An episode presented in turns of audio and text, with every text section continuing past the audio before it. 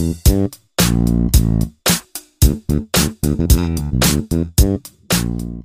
selamat datang kembali Sobat Hagi dan selamat datang di Hagi Geopods. Kali ini, episode ini kita akan ngobrol banyak tentang sesuatu yang diinisiasikan oleh Hagi dan itu berinisiasikan di periode ini dan sebelumnya kalau organisasi lain tuh udah banyak yang menginisiasikan ini salah satunya ya bisa kita sebut ini adalah student chapter. Nah di podcast kali ini kita akan ngobrol dengan uh, Vice President presidennya sendiri dari student chapter uh, Hagi dan beberapa para berlanjut apa sih chapter Hagi dan kenapa inisiasi sekarang dan apa yang menarik dari sini kita udah ada Mas Abdullah Nur Hasan. Selamat sore Mas Abdullah. Mohon maaf nih kondisinya agak kurang kondusif di tempat. Oke, okay. Mas Odi. Selamat sore. Assalamualaikum warahmatullahi wabarakatuh teman-teman semuanya.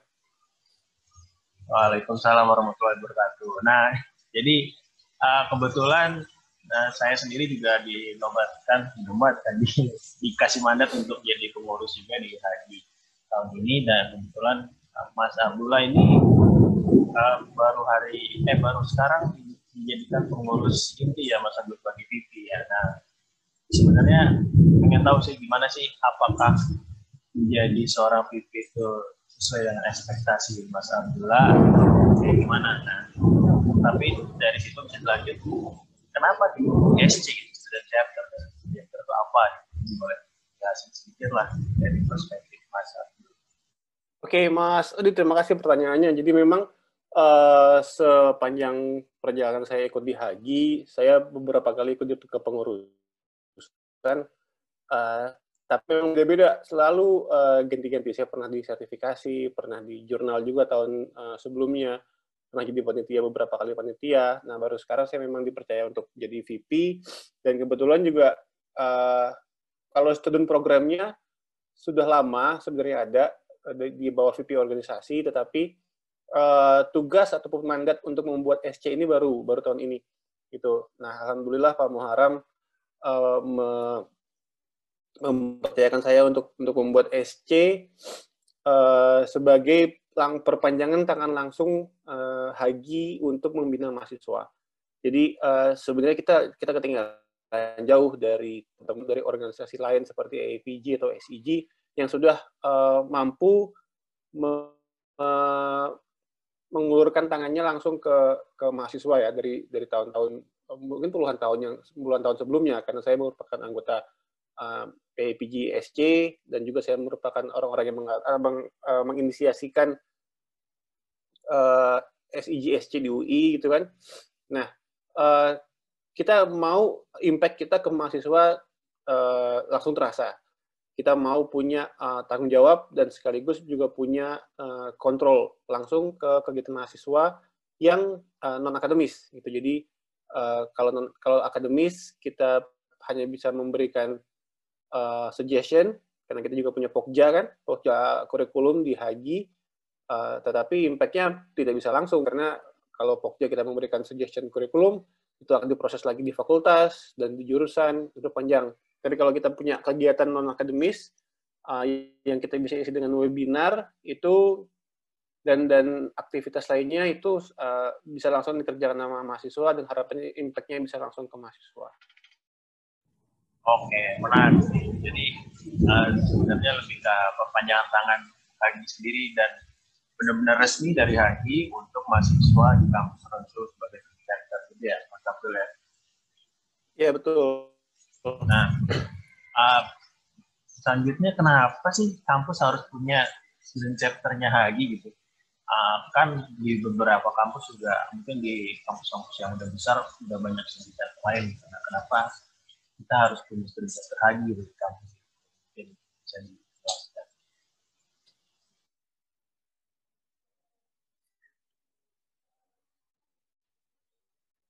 Oke, terima kasih Mas Rudi pertanyaannya. Jadi uh, sebenarnya kita kita mau memberikan pilihan uh, kepada teman-teman mahasiswa uh, mengenai uh, kegiatan ataupun tambahan-tambahan uh, keilmuan apa yang bisa mereka uh, dapatkan setahu saya kalau misalkan dari SCPG atau SC eh, uh, eh, mereka memberikan tambahan-tambahan kursus yang berbau teknikal gitu kan memberikan uh, one short uh, short course ataupun one day course uh, mengenai uh, macam-macam ilmu lah, uh, stratigrafi, seismik stratigrafi, atau mem mereka memanggil ahli-ahli uh, ahli-ahli di bidangnya untuk uh, memberikan tambahan uh, kursus yang memang mereka rasa belum dapat di uh, kampus. Kita juga uh, bisa mensuplai pemateri-pemateri seperti itu, tetapi uh, justru kita mensasar apa yang kita kira belum uh, banyak disentuh di kampus, yaitu uh, soft skill.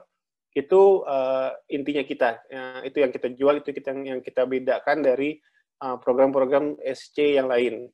Kemudian karena kita SC Hagi yang uh, kepengurusan pusatnya ada juga di sini, jadi keterlibatan mereka terhadap kepengurusan pusat itu akan sangat-sangat uh, nyata, jadi sangat-sangat signifikan. Gitu. Karena kalau dari uh, yang lain ya, apalagi yang uh, organisasi luar negeri, itu kan panjang uh, uh, birokrasinya ya. Tapi kalau misalkan di ISC-nya Hagi, uh, komunikasi mereka dengan pengurus pusat itu sangat-sangat dekat dan keterlibatan mereka juga bisa sangat-sangat nyata gitu. Jadi uh, program atau proses kaderisasinya atau proses proses pembinaannya itu uh, saya pikir bisa jauh lebih cepat kalau kita uh, lewat SC Hagi. Oke, jadi ya Hagi juga memikirkan regenerasi sejak dini ya. Jadi kalau misalkan join Hagi semacam ya ini ya kaderisasi dari dari zaman semenjak kuliah dan ketika lulus mungkin, pengalamannya bisa dibawa kalau misalkan menjadi pengurus di Hagi gitu, ya atau yang lain. Ini menarik nih karena benar kata Mas Abdul kalau untuk kaderisasi kayak organisasi luar kan itu birokrasinya panjang dan mereka juga uh, tidak ada impact langsung terhadap kita secara nasional lokal lah misalkan. Dan sedangkan ini di Haji ya Indonesia gitu langsung dan memang dibina langsung oleh organisasi yang bernaung di uh, nasional Indonesia. Gitu ya Mas Amil ya. Betul, dan kaderisasi ini kan uh, salah satu program atau visi misi uh, pengurus 2020-2022 ya. Salah satunya adalah adalah daya tahan. Nah, daya tahan ini kan sustainability uh, kaderisasi kita harus menyiapkan kader kita dari uh, dari sekarang dari sejak dini gitu. Iya iya. Nah ini kalau sebenarnya agak penasaran lah sedikit. Kalau untuk kaderisasi kan berarti dilibat apakah nanti mahasiswa-mahasiswa yang join di SJ ini akan dilibatkan langsung dengan acara-acara event-event uh, haji misalkan? Nah, kalau event itu kan kita akan terbuka uh, seperti kita punya uh, program student volunteer ya, kalau misalkan ada di ada di PIT ataupun joint convention. Tetapi uh, Hagi juga punya program seperti e-learning, kemudian juga technical webinar ataupun soft uh, atau atau webinar, kemudian juga Hagi punya program uh, kemasyarakatan seperti penyuluhan masyarakat ataupun uh, uh, penyuluhan uh, penyaluran dana untuk untuk bencana. Nah, ini juga akan akan uh, mengaktifkan mereka, jadi akan melibatkan mereka untuk ikut di event-event uh, tersebut. Jadi bukan hanya event-event uh, ilmiah tahunan, tapi juga semua event yang Hagi buat itu akan kita libatkan mereka. Uh, bukan untuk uh, membantu kita mengerjakan program kita, tetapi kita buatkan program untuk mereka yang memang impact-nya juga untuk masyarakat. Gitu. Langsung direct impact ke masyarakat. Menarik nih, karena mahasiswa kan sebagai agen perubahan ya. itu tuh kayaknya memang perlu diberdayakan. Dan Mas Abdullah sendiri kan di di STAG ini pemberdayaan mahasiswa itu dalam bentuk ya chapter di kampus-kampus mereka. Mungkin kayak gitu ya. Hmm. nah kan tadi ngomongin ke impact langsung ke masyarakat. Apakah memang ada program yang reguler atau program tahunan atau memang sudah ada planning itu dari HADI sendiri terhadap teman-teman mahasiswa untuk turun langsung ke masyarakat melalui SC Nah, karena ini adalah program kaderisasi, jadi kita memang punya uh, semacam kurikulum tahunan. Karena ini tahun pertama, kita nyiap, kita siapkan uh, lima kegiatan sederhana dulu untuk mereka. Nah, kegiatan yang berbau ke masyarakat atau pengabdian masyarakat itu ada dua, ada dua yaitu e-learning uh, dan uh, sosial masyarakat. Sosial masyarakat itu bisa mereka membantu uh, kebencanaan atau atau pokoknya uh, kegiatan yang memang mereka uh, turun langsung ke masyarakat secara fisik. Gitu. Nah, kalau e-learning itu mereka membuatkan uh, video ataupun podcast yang uh, umum tentang keilmuan tetapi populer yang menjelaskan tentang misalkan mereka uh, punya dosen yang jago di di, uh, di dimengerti oleh masyarakat. Nah, itu itu merupakan dua uh, dua dua kegiatan yang uh, tujuannya ke masyarakat. Kemudian kalau misalkan untuk uh, pembinaan mereka sendiri, kita sudah akan sediakan leadership training dan juga uh, communication skill, juga ada uh, writing skill training, gitu Mas Udi. Aduh, bagus gitu. Sebenarnya bagus karena uh, tadi yang Mas Abdul bilang kan kalau misalkan e-learning dan sosial uh, skill sosial langsung ke masyarakat. Jadi secara tidak langsung HGSC itu mempersiapkan misalkan lulus dari sarjananya mempersiapkan sarjana yang ya bisa dibilang sudah siap pakai selain dari isi learning tadi ada leadership training ada communication dan yang lain itu kan sebenarnya soft skill yang most student must have lah bisa dibilang kalau misalkan uh, ingin masuk so, atau so. enter ke dunia kerja jadi semacam ya semacam short course juga ya semacam kaderisasi kaderisasi buat uh, individu yang join di sini Nah untuk SC sendiri sekarang udah ada di berapa kampus ya sebelum? Nah sekarang itu kita sudah punya di tujuh kampus. Ada UI, U4, Undip, ada U, UP, uh, UPN, uh, kemudian ada Unhas, sama satu lagi itu ITS. Ada tujuh. Udah lumayan banyak ya? itu adalah Unhas, kemudian iya. Jadi ada Unhas, kemudian dua terakhir itu yang yang terbentuk itu Undip sama UPN. Kalimantan belum ada berarti. Kalimantan belum ada. Kita uh, kemarin sudah menghubungi teman-teman, tapi uh, kita uh, prosesnya menawarkan, menawarkan kita kasih tahu nih program-program kita. Setiap ada program itu kita kita uh, broadcast. Jadi kalau misalkan mereka tertarik, uh, mereka akan daftar gitu. Kalau kita nggak, buk, ini bukan bukan instruksi ya dari dari oh, pengurus yeah, yeah, pusat untuk me, membentuk membentuk SC di setiap komwil atau di setiap uh, kampus, tapi kita mengajak karena kita sudah siapkan uh, program-programnya memang beneficial untuk untuk uh, mahasiswa ini gitu. Jadi tetap tergantung mereka ya mau bikin apa enggak gitu. Tapi iya. kalau yang mudah-mudahan mereka tertarik ya. Insya Allah lah pasti harusnya.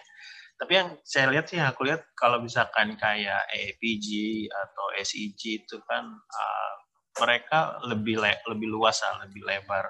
Dan memang tidak ditujukan khusus kayak aku nggak tahu nih misalkan di SEG ada program khusus nggak sih di Indonesia khusus di kampus ini? Dan untuk dijadikan lulusan yang siap dipakai uh, di Indonesia misalkan tapi kan kalau Hagi aku ngelihatnya lebih ke benar spesifik. Ya kita udah punya komil misalkan komisariat wilayah yang udah tahu nih kurikulum di kampusnya gimana itu kan terus uh, mahasiswanya kayak apa jadi mereka kayak punya need khusus dan Hagi mem mempersiapkan dan ngasih ini dalam bentuk SC dulu nih nanti begitu SC-nya udah selesai kaderisasi beres orang-orangnya ya bisa di insya Allah dipakai lah atau disiap dalam kondisi industri gitu. Mungkin bayanganku sih kayak gitu mungkin ya. Iya betul dan uh, satu lagi bahwa EPJ SC dan SIG itu kan uh, mereka uh, organisasi keilmuan atau atau profesi yang uh, tetapi berfokus ke oil and gas.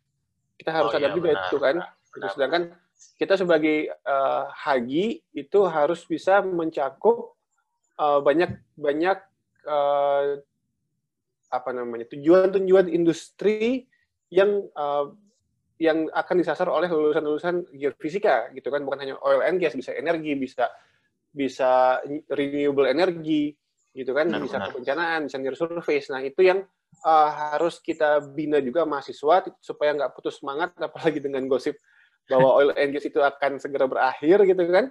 Nah justru itu PR besar kita uh, gunanya ilmu geofisika apa sih gitu kan. Dan dari sejak mahasiswa inilah kita harus tahu kita bisa berkecimpung di mana kita bisa kontribusi di mana bukan hanya di oil and gas gitu. Jadi uh, ya secara aplikasi harusnya lebih luas ya uh, Hagi dan SCHG gitu. Iya benar benar jadi mengingatkan juga tuh sebenarnya geofisika tidak hanya gas juga ya jadi uh, kemarin tuh sempat ngobrol juga sama Pak Darino di episode episode pertama season 2 Hagi ini kan dan Pak Darino juga sempat bilang kalau uh, mereka orang-orang atau mahasiswa-mahasiswa yang ini kan di luar recording dia beliau mahasiswa yang masuk ke uh, BM, BMKG, PVM, PVMBG ataupun uh, bahkan ada yang ke lautan juga dan yang lain itu bisa dibilang minim lah dibandingkan yang mereka punya ambisinya hanya oil and gas gitu. Jadi mungkin HGSC ini cukup iya kan? Iya cukup membantu lah harusnya lah membukakan mata kalau sebenarnya geofisika tidak sebatas and gas misalnya gitu gitu ya. Hmm. Nah, uh, dalam waktu dekat program SC yang akan uh, hadir apa Mas Abdul di, mungkin di salah satu kampus kampus atau mungkin di secara nasional dan yang lain. Jadi karena kita masih online semuanya, jadi uh, semua webinarnya akan diikuti oleh uh, semua kampus dan uh, organisat uh, organizernya masih kita, masih pengurus pusat gitu kan. Uh, sebagai uh, sebagai uh, contoh dulu bagaimana uh, mereka bisa mengorganize uh, webinar. Jadi uh, hanya hanya web, hanya saja webinar yang kita uh, berikan ke mereka itu uh, hanya akan sampai bulan uh, Juli. Jadi uh, kemarin hari Sabtu kita sudah melaksanakan uh, communication skill uh, diisi oleh Mbak Dian, uh, media relationnya dari Pertamina. Uh, cukup antusias ada 80 orang mahasiswa yang hadir. Uh, di bulan April uh, kita akan mengadakan follow up dari uh, webinarnya Pak Jedi, Pak Jedi, Pak Dr. Jedi. Ya, rating skill ya. Uh, mengenai rating skill, jadi uh, karena karena kemarin itu masih video uh, video kelas, kita akan memberikan kesempatan mahasiswa untuk bisa latihan. Jadi mereka akan kita kasih kesempatan untuk bikin bikin uh, abstrak sendiri-sendiri. Nanti kita minta tolong Pak Jedi untuk uh, host uh, saling kita saling review itu. Nah, uh, kemudian uh, bocoran juga saya mau minta tolong Mas Odi untuk minta uh, oh, siap, minta siap, kasih nih. tahu mahasiswa bagaimana cara bikin video dan uh, video recording dan video editing gitu kan karena mereka juga harus bikin e-learning uh, yang mudah-mudahan bisa selesai di akhir Mei. Kemudian di bulan Juni atau Juli nanti kita akan bikin entrepreneurship training dan uh, leadership training. Nah itu selesai bulan Juli. Harapannya lima uh, bulan sisa dari 2021 ini uh, mereka punya program masing-masing yang, yang bisa mereka jalankan berbekal dari uh, pembekalan yang kita lakukan dari oh, iya. uh, lima bulan ini lima bulan belakangan ini gitu jadi uh, programnya Mas Odi. Oke oke. Jadi mereka dibekali dulu nih basic-basic skill dan knowledge-nya yeah. setelah setelah mereka komplit di Mei ya. Setelah komplit mereka harus punya kayak semacam program hmm. di masing-masing kampus mau bikin apa gitu kali ya. Tuh. Jadi ya sangat tertata rapi sih untuk programnya dari student SC, eh, student chapter ini ya. Menarik banget. Karena kalau dari aku pribadi kan, aku juga backgroundnya tidak ada SC zaman dulu gitu sebelum waktu zaman ber, uh, berkegiatan di kampus dan setelah masuk dunia kerja ternyata SC ini membantu sekali gitu ketika um, dulu kan masih zaman guest lecture ke kampus atau masih ada zaman uh, ke mana dan ya, mereka mereka mereka lah yang menjembatani antara profesional dan kegiatan kampus itu gitu. Jadi menarik banget, menarik banget. Uh, mungkin dari Mas Abdul sendiri kira-kira SC itu future-nya SCH gitu kayak gimana sih? Dan tadi kan mungkin basic skill di awal ya, setelah mereka punya program sendiri, apakah ada uh, grand program atau mungkin ada sesuatu dari Hagi yang bisa meleverage mereka lebih lanjut di si Hagi ini? Nah, jadi uh, program-program atau visi besarnya adalah kita kita harus punya uh, SC di setiap kampus. Itu cita-citanya. Jadi ada sekitar 27 kampus di Indonesia yang punya jurusan uh, geofisika. Jadi belum termasuk uh, jurusan fisika yang cuma punya peminatan. Itu ada 27. Jadi kita cita-citanya memang ada 27 SC di Indonesia. Nah, uh, grand design-nya adalah kita mau punya uh, satu kolaboratif platform di mana mahasiswa itu bisa punya bisa punya platform untuk sharing, sharing keilmuan atau sharing pokoknya sharing-sharing skill apa pun. Jadi kan kita punya program penyamarataan kurikulum atau penyamarataan skill ya, ya. di di Pogjanya. Nah, uh, itu kan dari atasnya gitu kan dari dari fakultas atau dari dari universitas. Nah, ada, kita juga mau uh, teman-teman uh, mahasiswanya punya punya inisiatif kolaborasi mereka bisa menyediakan platform untuk berbagi seperti itu jadi kalau memang punya mata kuliah yang bagus atau atau materi yang bagus di satu kampus bisa di share secara uh, secara digital gitu karena kita sudah terpaksa digital sekarang gitu kan. Uh, seperti itu. Dan uh, kita mau punya uh, tools untuk memonitor kader-kader ataupun calon-calon penerus uh, haji yang kita bisa monitor langsung dengan keterlibatan mereka di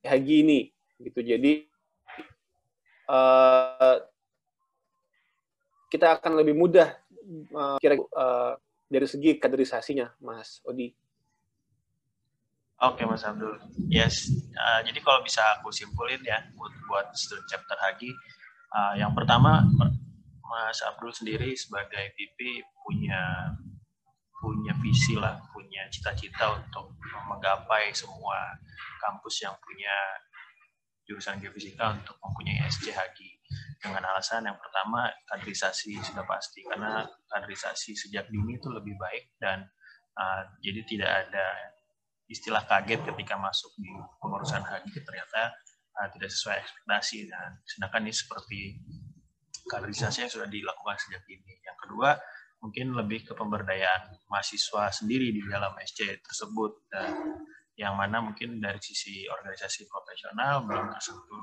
ke masyarakat ataupun ke uh, lingkungan yang terdekat dari mahasiswa dan ini disampaikan melalui SC. Dan yang ketiga mungkin ya pemberdayaan mereka secara individu di dalam SC tersebut. Jadi Uh, mungkin itu ya tiga tiga yang bisa aku tangkap tuh mungkin dari Mas Abdul. Kira-kira kira-kira uh, seperti itu dan uh, yang pasti sih memang uh, saya ngelihatnya uh, kolaborasi antar antar uh, kampus itu sangat-sangat uh, penting uh, khususnya kampus-kampus uh, yang memang misalkan geofisikanya baru berdiri gitu kan uh, hmm. terus kampus-kampus yang memang ternyata oh kampus ini dosen-dosennya kuat di geothermal, kampus ini uh, dosennya kuat di uh, magnetik, kampus ini uh, dosennya kuat di uh, seismik eksplorasi. Nah, uh, kenapa nggak kolaborasi gitu kan? Nah, saling berbagi ilmu. Nah, ini uh, harusnya uh, lebih mudah tercipta kalau kita punya uh, platform uh, HGSC ini gitu. Oh iya, menarik tuh. Jadi nggak nggak melulu kampus ini dosennya cuma dosen ini punya kampus ini kita harusnya iya. enggak lah gitu ya. Iya. Oke, okay, uh, mungkin dari aku itu mungkin satu pertanyaan terakhir, pertanyaan bonus. Um, gimana kolaborasi antara student chapter haji dengan yang kita tahu sekarang kan ada HMG itu himpunan mahasiswa geofisika Indonesia. Nah, menurut Mas Abdul itu gimana? Apakah hmm. nanti akan jadi uh, nggak tahu nih future-nya apa kayak seperti apa dari dari kacamata Mas Abdul? Uh, saya pikir kalau HMGI gerakannya lebih lebih luas ya, karena uh, HMGI terbagi dari tiga atau lima lima wilayah, jadi organisasinya uh, cukup besar. Uh, uh, cukup uh, kompleks dan uh, pengkaderannya juga uh, cukup cukup cukup banyak jenjangnya gitu. Uh, sampai sampai dua tahun atau tiga tahun. Tapi kalau misalkan uh, HGSC kita bergeraknya lebih ke kampus to kampus, uh, kemudian juga uh, kita kaderisasinya berlangsung hanya hanya satu tahun. Seperti itu. Jadi uh, saya kira uh, akan mereka rebutan anggota atau ada rebutan kegiatan seperti itu karena kegiatan mereka memang mendasar uh, di kampus ke kampus. Gitu sih Mas Odi. Oke, oke. Mantap lah. Jadi mungkin sepatah dua patah kata dari Mas Abdul buat ngajak teman-teman mahasiswa yang dengar mungkin kalau misalkan uh, kampusnya mau buka SC bisa ngubungin ke siapa atau yang udah ada SC Hagi kalau mau join gimana mungkin bisa diinfokan dari Mas Abdul.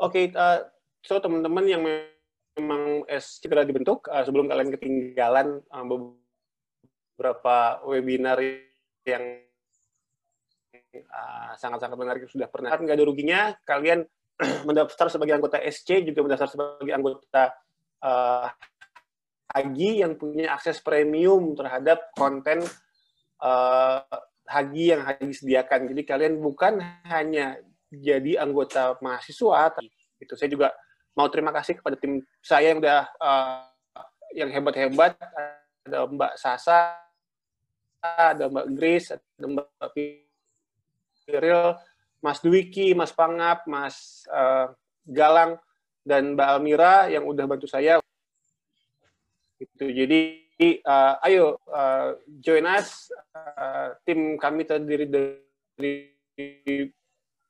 uh, saya yang paling tua tapi uh, tim yang lain lima tahun yang lalu. Jadi uh, insya Allah sangat-sangat uh, seru gitu.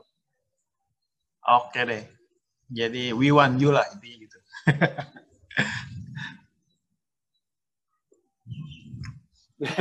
ini tuh abah banget. Ya, jadi mungkin tadi udah dijelasin sama Mas Abdul tentang benefitnya student as chapter gitu apa dan juga grand desainnya seperti apa dan visi misinya. Jadi buat teman-teman yang mahasiswa geofisika di kampus-kampusnya yang belum ada SC bisa request ke Haji, bisa coba hubungin atau mungkin kalau mau DM kita ada Instagram @infohaji dan di follow sosial media kita dan podcast ini ditayangkan di uh, hampir semua platform podcast bisa didengerin. Uh, terima kasih sekali lagi untuk Mas Abdul udah ngasih waktunya dan juga meluangkan uh, untuk sama-sama Mas Odi ngobrol-ngobrol sama saya terutama. Nah, jadi nanti kita tayangkan podcast ini uh, di Spotify, Apple Podcast, Google Podcast dan dengerin aja. Dan student SCHG di tiap kampusnya nanti belum oh belum didaftar ya. Mungkin kalau ada Instagramnya bisa kita taruh di description di podcast.